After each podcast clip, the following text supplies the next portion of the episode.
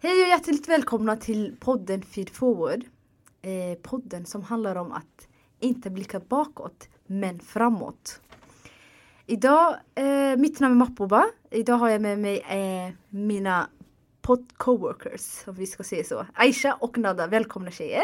Hello! Ja, dagens avsnitt kommer handla om eh, bloddonation, eh, organdonation och även eh, donation av blodstamceller.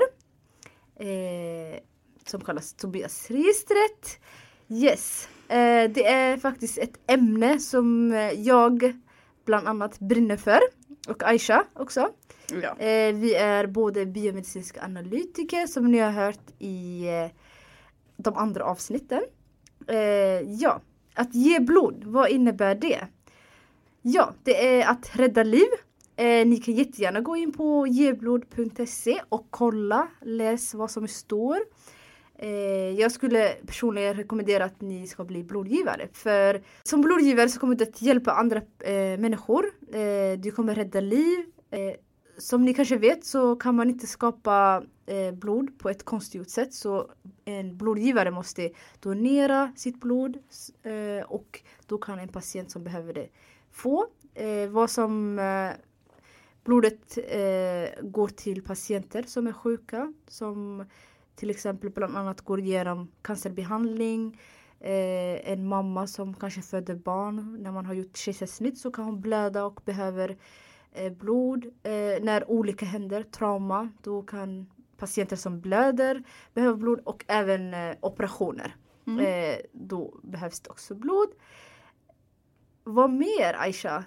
Du brinner ju också för det här ämnet så Ja, eh, det som är intressant att veta är att eh, patienter som de största användarna av blod är patienter som har cancer. mm. Eh, den andra största gruppen är mammor som föder barn. Det är väldigt riskfyllt att föda barn. Inte för att vi ska skrämma er men Risken finns. Eh, ja, eh, men patienter som undergår cancer, eh, själva cancerbehandlingen är till för att döda i princip tumörceller eller cancerceller. Men eftersom man inte kan rikta in sig på specifikt tumörcancerceller så dödar den i princip allt i sin väg. Eh, och därmed eh, får ofta de här patienterna lägre eh, antal röda blodkroppar och lägre hemoglobin som man säger är eh, järnvärdet. Intressant. Men eh, hur mycket ungefär, hur mycket blodpåsar behövs ungefär? Eh, det beror på patienten. Varje, alltså, men i, i genomsnitt i Sverige så behöver man en påse i blodkomponent i minuten, en blodpåse. Eh, vi kommer gå in på vad vi menar med en blodkomponent sen. Alltså Dygnet här, runt, ja. ja. Eh, och runt eh, 100 000 människor behöver få blod varje år. Enligt geblod.se då. Så det går att läsa liksom det. Men eh, det som är intressant faktiskt är att det är bara 3% av eh, folk som bor i Stockholm som donerar blod. Så Det är väl väldigt lågt. det är väldigt lågt. När man Alltså- säger 3% så vet du liksom att det är väldigt lågt. Jag ska säga som eh, född och uppvuxen stockholmare, det, är inte, det förvånar mig inte. Det Mm. är, vi är väldigt måna om att ignorera problemen runt omkring oss.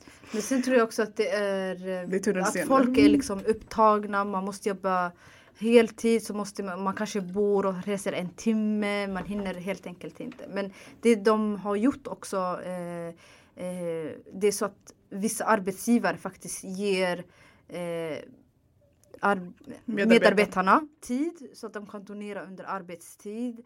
Eh, De har geblod.se har faktiskt gjort jättemycket för att eh, liksom, eh, Ja. eh, vad säger man, locka blodgivare. Men vad, händer när det inte finns, när blodet tar slut? När det inte finns något blod kvar? Vad gör ni då? I Stockholm menar du? Jag är liksom allmänt Då sjukhusen, vad gör, vad Då kan man köpa från andra län till exempel. Mm. Eh, Okej. Man kan kalla in eh, donator. Eh, blodgivare donator. Att man ringer dem och ser det är väldigt akut. Det händer faktiskt. Eh, speciellt under eh, Le- eh, långa ledig, lång, ja, jultiden eller ja, under sommaren så brukar det vara brist i och med att folk åker Mm. utomlands och så. Men då brukar blodcentraler ringa upp liksom, blodgivare och se Mm. nu är det akut, ni får jättegärna komma. Och de, de är väldigt generösa och brukar komma på en gång. Liksom. Mm. Ja, Och om man vill ge blod, finns det någon krav till exempel på ålder eller eh, vikt liksom? Eh, ja, det finns väldigt många krav för att man ska kunna ge blod. Man måste vara, eh, det här är, gäller för de flesta vård, eh, blodcentraler i Sverige. Mm. Eh, att eh, det finns ett åldersspann eh, på att man måste vara mellan 18 och 60 år. Man måste vara helt frisk från sjukdom, man tar inga mediciner. Eh, man väger minst 50 kilo. Man har en il- giltig ID-handling och svenskt personnummer. Eh, sen 2019 eh, är det möjligt att lämna blod här i Stockholm om man talar engelska under vissa tider. Ni får kolla på hemsidan. Eh, men i de flesta län så gäller det att man förstår och talar svenska. Ja, men det är bara i Stockholm och det är någonting som sagt som är helt nytt. Ja, Men, det gällde eh, också engelska om ni kan tro det. Men det här med, eh, när vi var på studiebesök så minns jag att jag frågade det här med personnummer. Mm. Svensk personnummer. Så det är inte heller eh, folk som inte har personnummer kan inte donera. Var det inte så? Eh, ja, det har att göra med alltså Egentligen förstod jag inte den riktiga anledningen men de har sagt att det är svenskt personnummer och det har att göra med lagstiftningen och hur den är Ja. utformad. Eh, och det, det är ju för patienterna som ska få det i slutändan, deras hälsa ska främjas av det här. Men det var ändå ganska intressant för Mm. man ser att man kan ge eh, blod på engelska men ändå ska man ha ett pers- svenskt personnummer vilket är liksom Motsägande. motsägande lite sådär. Så det kanske kommer ändras nu i framtiden. Ja, eh, sen får ni tänka på att väldigt många av de här eh, reglerna för att, som är utformade för att man ska få vara blodgivare är väldigt strikta. Man får till exempel inte ge eh, om man har varit utomlands nyligen. Eh, det gäller olika eh, tidsspann för olika länder eller olika re- regioner i världen. Eh, man får inte ge om man har nyss skaffat en tatuering eller piercat sig. Man får inte ge om man är en homosexuell man får man inte ge. Eh, det är väldigt många konstiga regler men de är alla utformade väldigt tidigt i eh, bloddonationssystemsskapandet. Yes. Det här hör jag för första gången. Varför får inte en ho- homosexuell person ge blod? Eh, det är ju den här HIV-grejen. Det Ja, är Från 80-talet. blodsmitta. Yes. Ja. all yes. right. Eh, Som de man är rädd för. Ja, de la den regeln under tiden när HIV-virusspridningen var Mm. de tro, man tro, då trodde man att det berodde på homosexuella män. Mm. Eh, nu vet vi ju annat i fram, nu här i framtiden men lagen har inte följt med Nej, nej. helt enkelt och därmed eh, ser det ut som det gör. Eh, ja, Men Jag- det är ändå intressant fråga Ja, jag har varför man inte fråga har faktiskt. ändrat reglerna. Vad Mm. är det som skiljer? Eh, om jag ska vara helt ärlig så vet jag inte. jag har ställt frågan många gånger och jag har inte fått ett riktigt svar än. Nej. Ja. Ehm, men för homosexuella, homosexuella kvinnor får jag tydligen. Mm. Så det, det, är- det Så är det lite såhär vara- hypokritiskt. Man blir såhär okej men de, ja ja, ja, ja. Eh, Vi kan diskutera det väldigt länge. Ja men jag kan tänka mig det är kanske, kanske någonting som gör att alltså, Mm. homosexuella män inte kan donera blod. Nej, som vi nej kanske det, inte är vill in, snöa.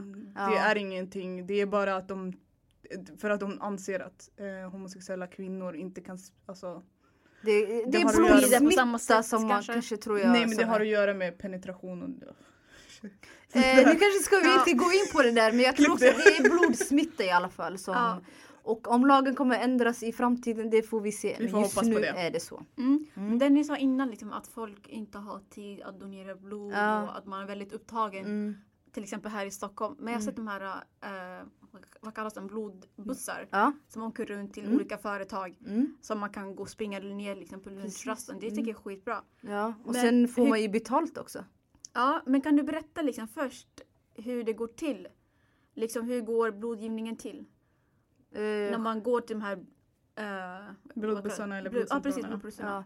Ja. Eh, Jag skulle säga så här, om du är intresserad av att donera blod så kan du gå in faktiskt på eh, geblod.se. Eh, så kan du kolla om du kan uppfylla kraven. Det du gör, det finns en liten ruta där du kan kolla om du uppfyller kraven. Så när du har gjort det så kommer de säga "Åh, nu har du uppfyllt kraven, kom och besök. Så antingen du kan gå till en blodcentral eller blodbuss. När du har gjort det, det du, de gör är en eh, de gör provtagning och intervju. Mm. I intervjun så ska du fylla i en hälsodeklaration. Eh, det tar ungefär 10-15 minuter, det, det är lite Det är kort. men det är många frågor där de eh, försöker liksom reda ut det här eh, kraven som Aisha sa, liksom, så att eh, man inte är smittad på något sätt. Eh, men man kan ju inte se allt bara. Eller man kan inte lita på allt som man bara säger utan man tar också eh, tester som kallas sållningstester för blodsmitta. Man testar bland annat som Aisha nämnde också innan hiv, hepatit, syfilis och sen eh, eh, en till virus som kallas HTLV 1 och 2 finns det. Det man också testar är järnvärdet. Man kollar eh, hemoglobin, hur det ligger till. Eh, för kvinnor så ska det väl ligga på 120 om jag har rätt 120. Aisha. Och sen kill, eh, för män 125. 130 någonstans. Uppåt ja. Mm. Någonstans där. Mm. Eh, om, du, om du inte uppnår det kravet så kan du inte ge blod. Du får vänta. Kanske ta järntabletter. Eh, ja, Och och, sen återkomma liksom helt enkelt. Ja, jag har till exempel järnbrist så Mm. jag tar ju järntillskott. Mm. Så om vi ser att mina nivåer ligger på en liksom normal Mm. kan jag, kan jag ändå liksom donera blod efteråt eller ska man helst avstå om man har järnbrist? Varför har du fått dina tabletter? Men jag tar tabletter för att jag har järnbrist. Ja, liksom så om jag du har järnbrist och du redan tar tabletter Mm. då är det inte sannolikt att du kan ge blod i och med att du själv går på tabletter för att du ska För jag kan riskera då att du kan riskera Ah, att du ja, minska det. sitt minska. eget. Men du Ja. behöver ditt eget blod själv. Och Ja. jag tror Mm. att den, eh, en av anledningarna för att du inte kan bli blodgivare är på grund av att de testar två olika typer av hemoglobin, eller järnvärden. Mm. Eh, De testar det nuvarande, det, det som är tidsbelagt eh, järnvärde, det kallas bara järn. Eh, och sen finns det en annan, som, en annan molekyl som är ferritin som är järnbindande transportör som binder runt, för järn är toxiskt om det är fritt i blodet utan Mm. den binder fast i järnet. Och om man mäter den där så kan man se hur det har varit historiskt. Mm. Eh, och den har de väldigt höga krav på. Så folk som har haft låga ferritinvärden en gång får inte bli blodgivare. Precis. Och sen är det det här järndepåerna. Ibland kan man ha brist på blodvärdet och då är det järndepåerna som man ska bara fylla på. Precis. Som till exempel en blodgivare eh, donerar blod och då kanske det sjunker, den får järntabletter och då fyller man på de här depåerna. Mm. Men som sagt, du kanske har brist på ferritin och då Man behöver inte du ditt eget Ja. blodjärn själv. Ja, men det, det är lite förståeligt också. Ja, Men, men, eh, en av de viktigaste sakerna som jag nämnde är i alla fall att blodet ska vara smittfritt. Ja. Eh, Ja. För blodsmitta är inte bra för eh, Ja. mottagaren som får blodet, en sjuk patient redan. Ja, och den största anledningen de gör den här hälsodeklarationen samt en faktiskt intervju med en sjuksköterska är för att de vill li, li, vilja lita på dig. Mm. De vill veta om du är en pålitlig människa som berättar sanningen. De tittar dig i ögonen och eh, li- förlitar sig för att det du säger är sant. Mm. För man kan ju inte mäta allt. Mm. Det går inte rent fysiskt. Eh, kan man ju räkna ut att det inte går att mäta alla typer av Mm. virus och alla typer av bakterier i världen. Precis. Eh, och sen är det också så att eh, vissa virus syns inte innan de har bör- börjat föröka sig. Och samma sak med bakterier, vissa bakterier syns inte innan de har börjat föröka sig. Mm. Så du kan vara HIV-smittad och känna till det själv. Mm. Men vi kan inte se det på våra analyser för att våra analyser tittar på ett annat, någon annan del i viruset eller tittar på ett visst högt antal eller någonting sånt. Ja, eftersom det finns det här eh, som det kallas fönsterperioden. När man blir smittad, även om man tar prover så kan man inte se det. Eh, för till exempel hiv, det, det tar kanske ett par, eh, ett tag tills antikroppar bildas. Mm. Men det man gör egentligen är man kan ta, det man tar är ju också, man kollar antigenet på själva Ja, viruset genom PCR. genom PCR. Eh, Men det gör de inte i sållningstestet så det finns lite olika sätt att mäta samma sak på. Yes. Så det är jätteviktigt att man svarar ärligt Mm. och att man... Eh, jag kom på en sak faktiskt. I USA så har jag sett eh, det här Octefarma-filmen. Eh, dokumentären i USA. När de donerar plasma. Mm. De går in, det är, eh, de kommer in i blodcentralen. Det är en skärm de fyller i och de, när man intervjuar senare eh, då har de sagt det är bara att trycka nej på allt. Eh, och sen har de donerat dem, fick tatuering, de har... De, man, de kunde ljuga för i USA så tjänar man pengar eh, just när man donerar plasman. Men i Sverige så är det så att i förr i tiden, förr i tiden så kunde man tjäna pengar men just nu så blodgivare får ingenting när det kommer till så pengar, inte ersättning eller så. Men eh, när de är klara så brukar de kunna antingen donera en gåva eh, eller de kunde få tallrikar. Ja, de får, de Koppar, får en såna här- materiell gåva i form av typ så ett, Mm. en ljusstake i princip och lite så etiketter att sätta fast på sin bil. Ja. Eh, och, eh, eller så kan de välja att donera det till Rädda Barnen eller Mm. Musikhjälpen eller något. sånt. Men man får inte betalt. Som Nej, man får inte betalt som blodgivare. Och det där är ju för att eh, man ska inte bli motiverad av pengarna. Så en Mm. person som kanske behöver pengar men vet att han är smittad eller hon är smittad så går man och donerar blod. Så det är ett skydd också. Det är jättebra. eh, Ja. Som är jättebra. Men alla länder har ju inte det. Ja, jag har faktiskt en historia om det där. Jag hade en handledare en gång i tiden Mm. eh, som jobbar på mikrobiologer, shoutout mikrobiologen i Uppsala. eh, den här handledaren var så rolig, hon berättade på en, eh, på en kurs att eh, hon eh, hade jobb, liksom varit där på studiebesök och tittat runt lite och kollat igenom deras hälsodeklarationer och intervjuat en blodgivare.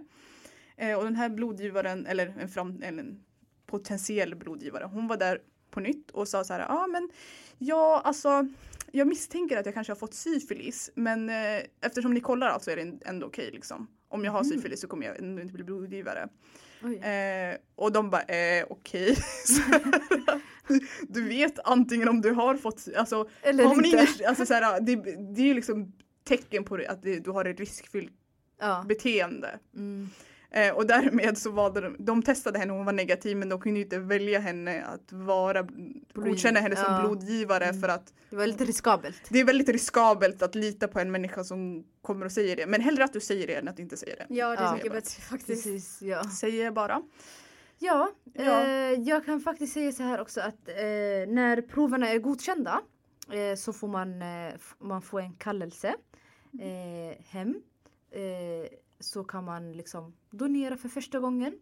Eh, man kommer till blodcentralen, man får vänta ett tag, man får fika lite innan. Eh, sen eh, sitter man sig i stolen och donerar blod. Det tar 5-10 minuter, sen Ja. är man faktiskt klar.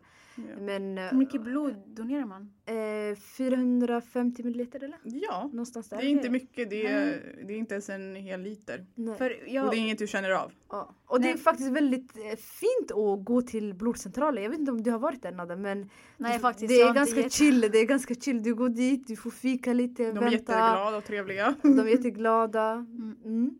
Eller de ska de vara i och för sig. Nej, men anledningen till att jag frågar hur mycket gratis. blod man donerar är för att jag har hört att många inte vågar göra det för att de tror att men gud De det kommer kommer, ta mycket. allt. Ja precis. Alltså vi ska det är säga... egentligen inte mycket. Eh, så, så det är bra Det att veta kan du liksom. bilda faktiskt Ja. efter en liten stund. Om du Ja. bara dricker vatten så kommer eh, din benmärg kommer Ja. bara bilda liksom Ja. efter ett tag. Det Eh, finns så vissa är inget- blodcentraler som inte ens ger järntabletter för att alltså, det är ju så pass liten mängd så att det inte gör någon skillnad. Ja. Egentligen, alltså om man säger att människan består typ av 4 till 5 liter blod Mm. och du har tagit 0,5 liter, alltså det är ingenting. Ja det är ingenting i och för sig Mm. men folk som inte är insatta i det här Ja, vet ju ja. inte om det. Men vi kan Men- säga att det finns olika, alltså, olika typer av blodgivning också. Mm. Eh, Ja, men en, en fråga till också. Hur Mm. ofta kan man ge blod? Kan man ge två gånger per halvår? Eller hur ofta Det är faktiskt väl skillnad mellan kvinnor och män, eller Ja. hur Aisha? Ja. Mm. Eh, kvinnor får ge tre gånger per år Mm. och män får ge fyra gånger per år. Mm. Okej. Och det har att göra med att vi förlorar blod varje månad. Eh, så det är därför det är lite skillnad men eh, som sagt en man som kanske ändå inte bildar lika mycket kanske om de märker att blod, blodvärdet inte kommer upp så får han också vänta. Ja, Så det är från också person till person. eh, Ja. Men ja. Ja, men det är också viktigt att tä- tänka på när man donerar blod. Det är inte bara typ för de som behandlas eller som Bobba sa, Bobba sa innan. Liksom. eh, Men utan de som har järnbrist behöver också blod. ja. Eh, till exempel de flesta som kommer från Mellanöstern eller Nordafrika har oftast eh, järnbrist. Mm. Och till exempel om, om man har järnbrist och är gravid så behöver man oftast extra. liksom, precis, inte bara ha järn Mm. eh, depåer inne i sig. Alltså få, få det utan man måste också få blod. På jobbet så har vi faktiskt eh, stammisar som vi säger. Mm. Eh, som kan ha transfusionsbehov liksom, att, Konstant. konstant. Mm. Eh, det kan bero på att de kanske har cykel, eh, Cellanemi. cykelcellanemi eller andra liksom, medfödda talassemier. Ja. Va, vad är det här för något? Det är Eh, olika blod... eh, Alltså det, eh, blodsjukdomar om man I säger princip så. innebär det att deras blodceller fungerar inte som de ska. så. Ja. Så Okej. de får transportera inte syre rätt. En blodcell ska ju se ut som en rund boll om man säger så. En Ja. Men eh, när det är cykelcell då kan det se ut som eh, en, en halvmåne. Som liksom. halvmåne liksom. Och på det viset så blir syretransporten, näring och allt det där blir lite, på, Jättefel. ja, Mm. Lite ser mycket påverkad. Och Ja, de blir då- trötta. behöver de mer blod. Eh, Ja. Mm. För att eh, hjälpa till dem på traven. ja precis. Mm. Ja. Men ska vi gå in på lite blodkomponent, alltså vad vi gör med blodet efteråt? Ja. ja just det, när man donerar. Mm. Ja. Vad som händer efter blodet. Ja. Eh, det som händer är att det här blodet åker iväg till någonting som kallas komponentlabb. Mm. Eh, där de centrifugerar blodet. Det innebär att man snurrar blodet väldigt, väldigt fort i väldigt hög hastighet och allt eh, blodet separeras i dess olika komponenter. Eh, som ni kanske vet, eller kanske inte vet kanske, eh, består blod av tre olika saker. Det består av eh, eh, röda blodkroppar, ja. det består av plasma och sen vita blodkroppar och eh, där ingår ibland trombocyter men och som är de här Och vita blodkroppar. ja, ja. de ingår i näst, ja, man kan inte säga att de ingår, de har olika, helt olika funktioner. Det kanske Eh, kommer in senare. Ja, det kanske kommer det senare. Så. Det känns lite som överkurs, men i alla Eh, fall. Mm. Eh, och det som händer är att eh, när de har centrifugerat upp det här så pressar de ut så att man får olika delar i olika påsar. Eh, och sen kan man ge patienten, eh, patienter som har dåligt järnvärde eller har eh, behöver förbättrad syretransport ger man rena blod, eh, röda blodkroppar. Och till patienter som kanske har svårt att koagulera, alltså de har svårt att stoppa blodflöde när de, när de får sår, de ger man plasma till.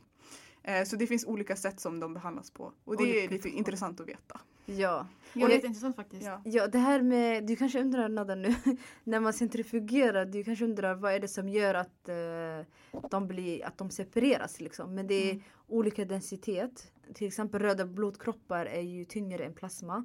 Och vita blodkroppar, så de sjunker längst ner och sen plasman blir över. Och på det viset så kan man faktiskt separera. Okej. Vilket är väldigt intressant. Ja. När man ser det för Ja. första gången. ja. Och som blodgivare i Sverige får du ett sms när ditt blod används. Ja, Så du får det. tack för att du har gett blod, ditt Ja. blod har kommit till användning nu. Och det är på grund av att vi registrerar allting vi gör i systemet. Alltså vi, vi jobbar ju på patientsidan av Lab, jag och Mahbouba. Så vi vet ju inte vem som har gett blodet. Mm. Men allting är registrerat i datasystem som vi inte kommer åt. Men Mm. eh, liksom Spårbarhet datasystemet vet om att det är du som har gett blodet. Och det här är anledningen för det är i princip om du upptäcker att du blir förkyld tre dagar senare och vi har redan tillverkat blodet och det är på väg ut till patient. Då kan vi tillbaka kalla det. Precis. Genom att vi, eh, liksom, olika parter i det här vet om hur blodet har kommit, vart blodet har åkt. Mm, då är det åkt. viktigt att man säger till i så fall. Liksom. Mm. Jätte, jätteviktigt. Vi har folk som ringer och säger att de har blivit förkylda, de har fått feber, de, har, eh, de ringer och säger det och vi kastar blodet direkt. Och det är för att de här patienterna, alla patienter som blod, blodkomponenter har nedsatt immunförsvar. Så de kan Mm. inte försvara sig själv Mm. om det här viruset börjar växa till i deras kropp. Ja. Då kan det leda till liksom död. Ja. I början så nämnde du eh, blodstamceller tror jag. V- vad är det för något? Ja, eh, blodstamceller. Eh, Aisha är faktiskt medlem i Tobias-registret så jag kan faktiskt bara nämna att det är eh, ett register, eh, svenskt register för eh, blodstamceller. Eh, du kan bli donator, eh, vilket Aisha är. Yes. Eh, och när, de, när en patient som har drabbats av cancer behöver eh, stamceller eh, så, kan du, så kan de matcha. Eh, Aisha kanske kan berätta hur det har gått till. Ja, jag kan berätta lite om eh, vad indikationerna är för att man ska behöva en blodstamcellstransplantation som det heter. Ja. En väldigt långt ord. Eh, det som händer är att eh, ni har ju hört talas säkert om leukemi. Eh, leukemi är en typ av blodcancer. Eh, det är eh, i princip innebär att blodcellerna fungerar inte som de ska. Mm. Och det originerar oftast i benmärgen eh, där alla blodceller skapas. Eh, och när benmärgen skapar felaktiga celler som i princip inte har någon funktion genom att, förutom att göra dig mer sjuk eh, så blir man mer och mer sjuk. Och det, när, när du får den här cancerbehandlingen eh, så är den syfte att döda alla celler. Eh, och det kan ofta betyda att du har liksom inget försvar. Mm. Det är Nej, därför man oftast ger blodtransfusioner med alltså rena röda blodkroppar. Mm. Men det som händer vid en blodstamcellstransplantation är att de, vill, de har upptäckt att alla celler, eller i princip en stor del av de, sta, eh, de stamcellerna eller cellerna i benmärgen eh, skapar felaktiga celler. Mm. Och då är det enklare att döda ut hela benmärgen bara. Okej. Eh, och det jag är som blodstamstransplant... Eh, trans, eh, Donator. donator heter det. Ja. Do- Blod, eh. Eh, är att jag är registrerad för att de, så att de vet om hur min, min, eh, de här flaggorna som jag berättade om i tidigare avsnitt.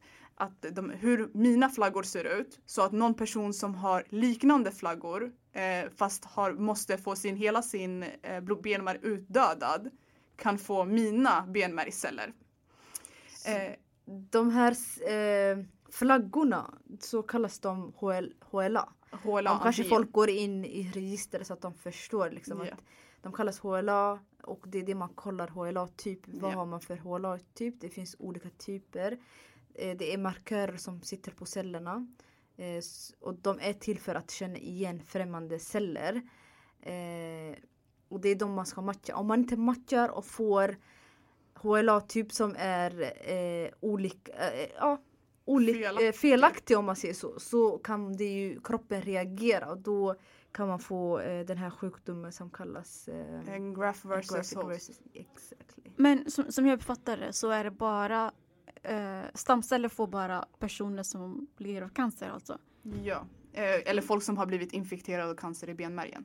Okej. Eh, och, eh, för att bli stamcellsdonator eh, behöver man inte göra så mycket. Det är inte som att man är blodgivare och ger blod varje mån Ja. eh, tre gånger per år eller vad det är för någonting. Mm. Utan det man eh, i princip så registrerar man sig på tobiasregistret.se, rekommenderas starkt. Det är inte så farligt som man tror. Och så får man hem en tops. Eh, topsar två, båda kinderna.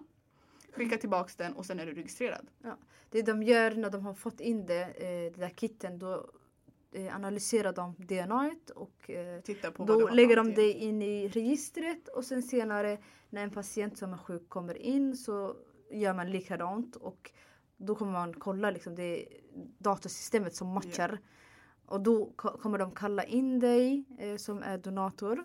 Eh, och det som är jättebra nu, förr i tiden så gjorde det jätteont. Man eh, fick gå in i höft, höftet. Bäcken, eh, bäckenbenet. Ja, höftet tror jag. Och Ja. sen fick man liksom ta benmärg därifrån. Det var så Höftkammaren hette. Ja precis. Det är Vi- vi trycket som var... Vi var jättefokuserade på att säga rätt ord. Det här är kanske lite överkurs men i alla fall det man gjorde var liksom att man eh, gick in och tog benmärg därifrån. Mm. Men nu kan man faktiskt, eh, det tar längre tid. Kan, ungefär fem timmar. Man kan bara sitta i en brits. Eh, så, som precis när man donerar blod så blir, kopplar man in och sen eh, renar man fram liksom stamcellerna med hjälp av en maskin. Du ligger där fem timmar och sen är du klar så Ja. ger de stamcellerna till patienten. Okej, men eh, är det här är det också stor brist på stamcell, vad säger man, donator? Ja. Är, är Ja. det lika brist som eh, ja. blod alltså?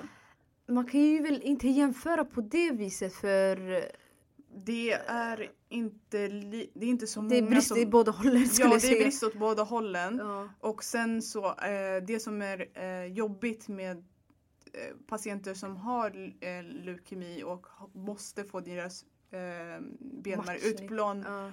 eh, benmärg utplånad.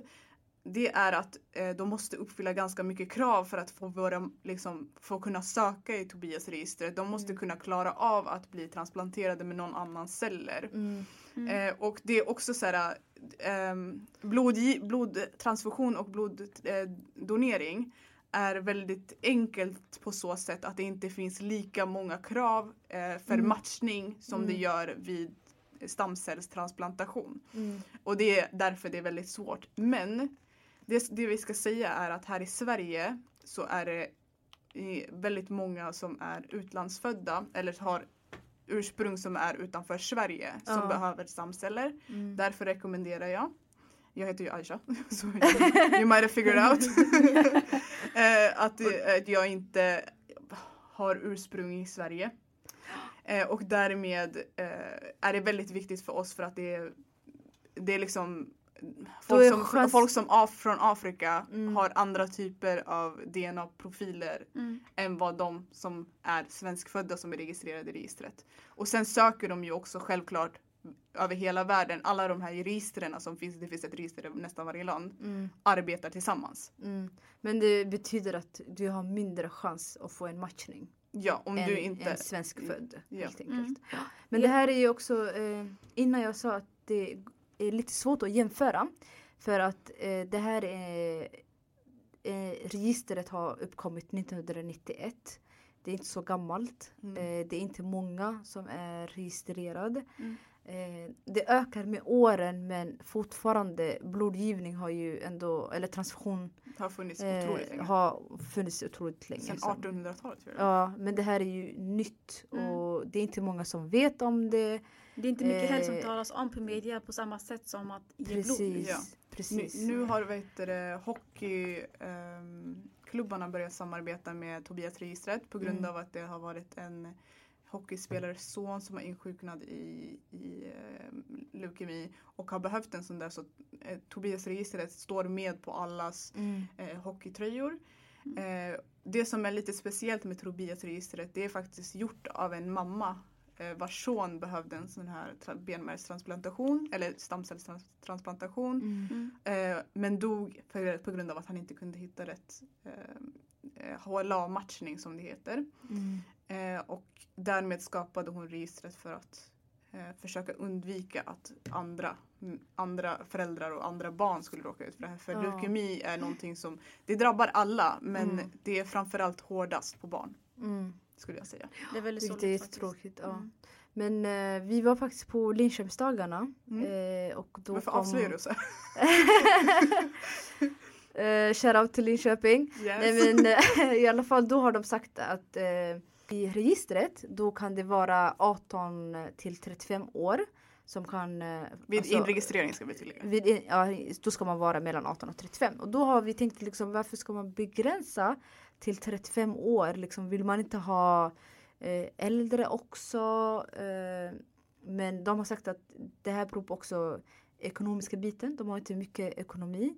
Eh, och sen också att ju yngre personen är som donerar desto bättre är det för patienten att överleva. Mhm. Risken, eller jag menar chansen att överleva är Ökar. större Ja. om eh, patienten är inte så Eller gammal. gi- ja, Eh, precis. givare Givaren är inte så gammal. Ja. Precis. Okej. Eh, ja, så det är därför om ni går in i Tobias-registret och märker att det står 18 till 35 då har ni förklaringen där.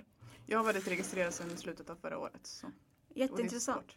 Ja, det här är jätteintressant att veta för det är inte många som känner till det här.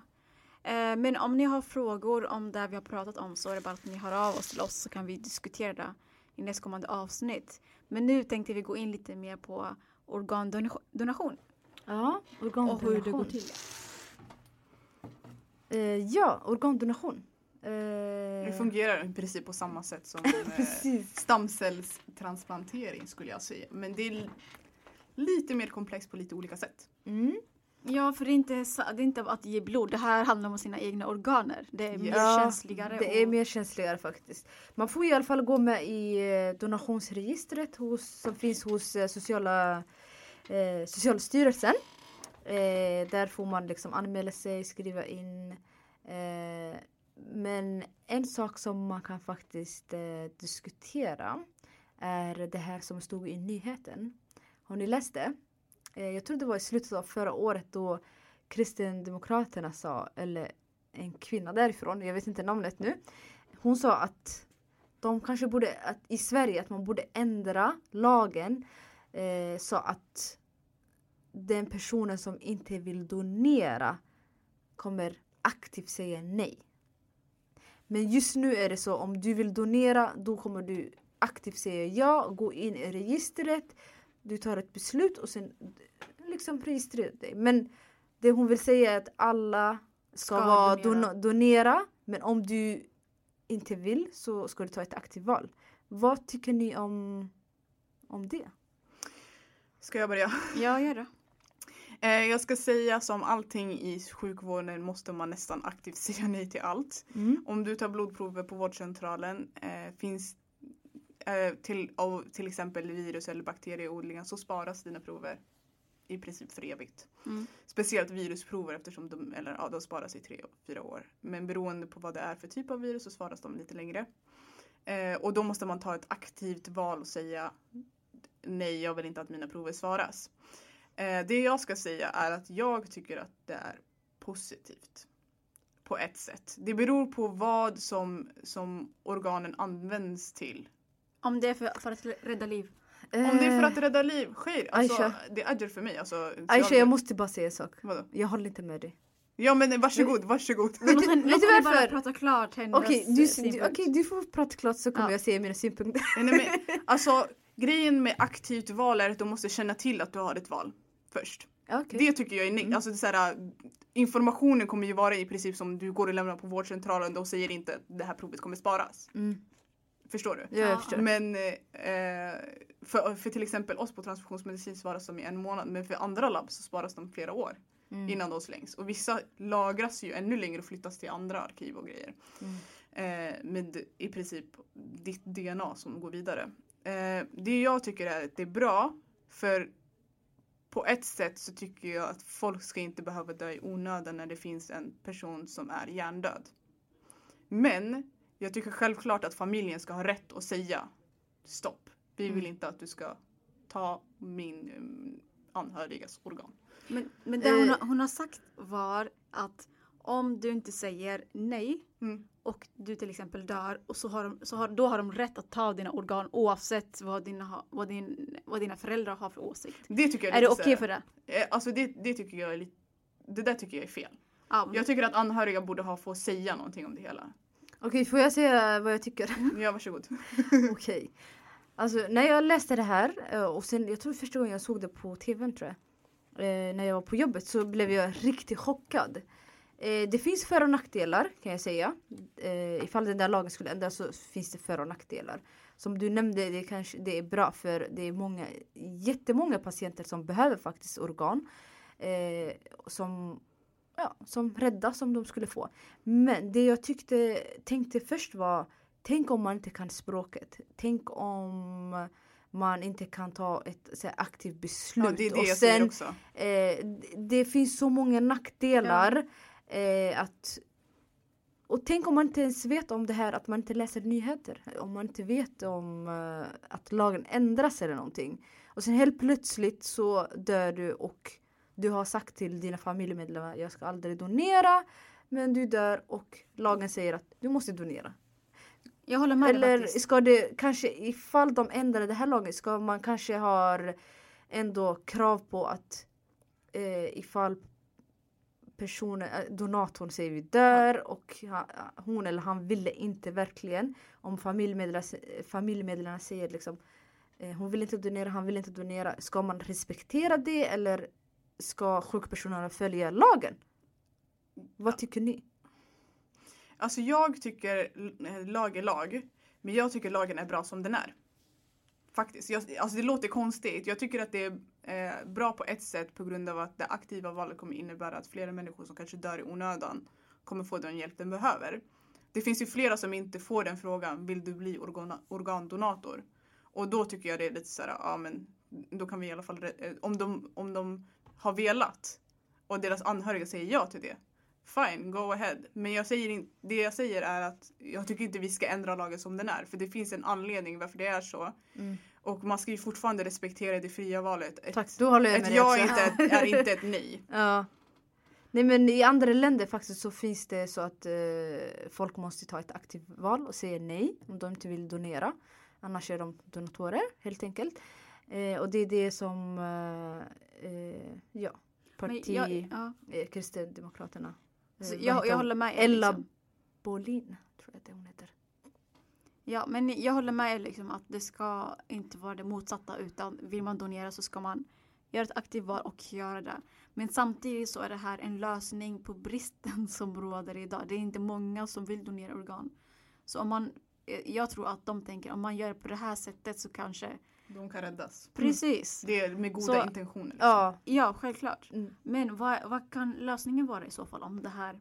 Jag tycker man kan driva donationsfrågan på ett annat sätt. Det har man Eh, gjort Tobias faktiskt. registret finns nu. Det fanns inte innan 1991.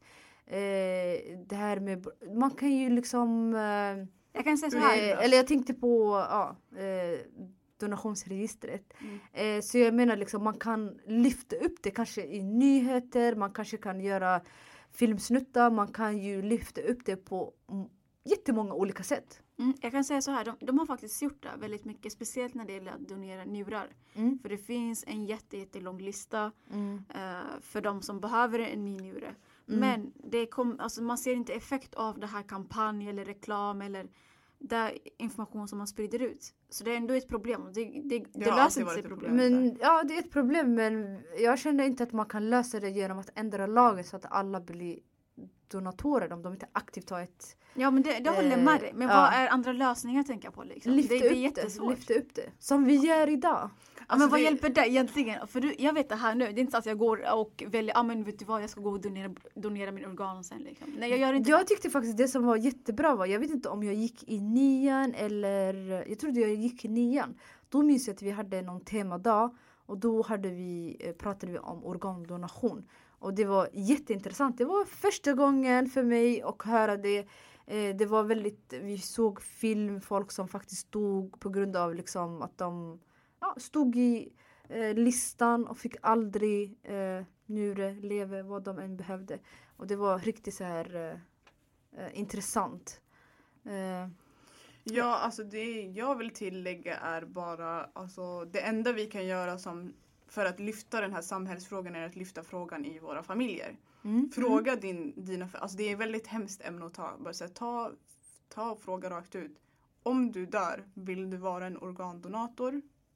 Skulle du kunna tänka, det finns olika, det finns, alltså organdonator låter ju väldigt så här stort. Men Ja. man kan donera sin hornhinna, alltså det är det tunna, tunna Mm. yttre lagret på sitt öga och rädda någon syn. Mm, precis. Så det, alltså det finns väldigt små delar som man kan ge.